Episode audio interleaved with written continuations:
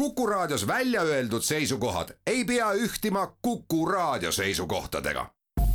Te kuulate Kuku Raadiot.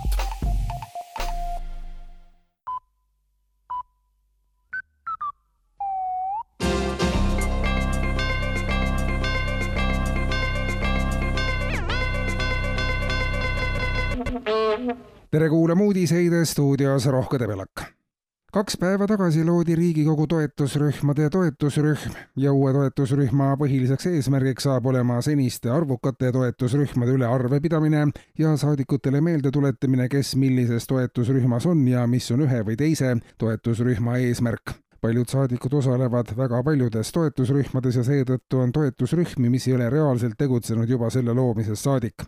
Toetusrühma toetusrühm seisab selle eest, et ükski loodud toetusrühm ei vajuks unustuse hõlma, vaid leiaks järjest lisanduvate seas endale väärilise koha ja välismaalt. surve Ukraina-Vene sõja lõpetamiseks rahukõneluste teel kasvab ja sellise üleskutsega liituvad aja arenedes järjest enamad mõttekojad, poliitikud ja ka riigid valitsuste tasandil rahulepingu sõlmimine konflikti lõpetamiseks on ka asjatundjate sõnul perspektiivikas, seda saab teha rohkem kui üks kord ning analüüside kohaselt jätkub Ukrainal territooriumi vähemalt neljaks rahulepinguks Venemaaga.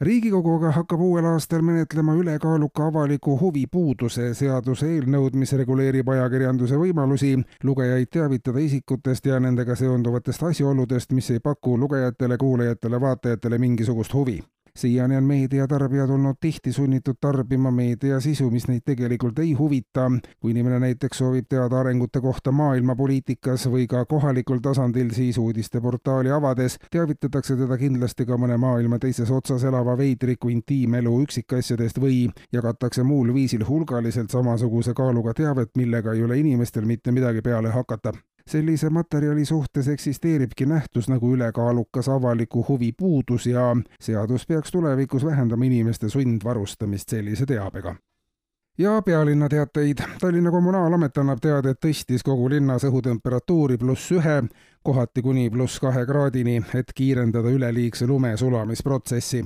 positiivseid märke lume kadumisest on juba tähelepanelikul jälgimisel võimalik märgata, kuid normaalsete olude saavutamine võtab veel kümmekond päeva aega. kuna temperatuuri tõstmine maksab palju, siis muud lumekoristusmeetodid on ajutiselt kokkuhoiu mõttes pandud pausile ja lõpetuseks tähelepanu inimesed, kes elavad õhust ja armastusest. kuni märtsikuuni ei ole muretsemiseks põhjust. valitsuse prognoos näitab, et valitsus armastab oma inimesi ikka edasi ja ka õhku jätkub kõikidele piisavalt vähemalt selle aasta lõpuni. viimase poole aasta jooksul on õhust ja armastusest elavate inimeste hulk oluliselt kasvanud ja see näitab valitsuse sõnul pehmemate väärtuste kandepinna laienemist kahekümne aasta pärast elab valdav hulk inimesi riigis ainult õhust ja armastusest ja Eesti väliskaubandusbilanss on positiivne kuulsite uudiseid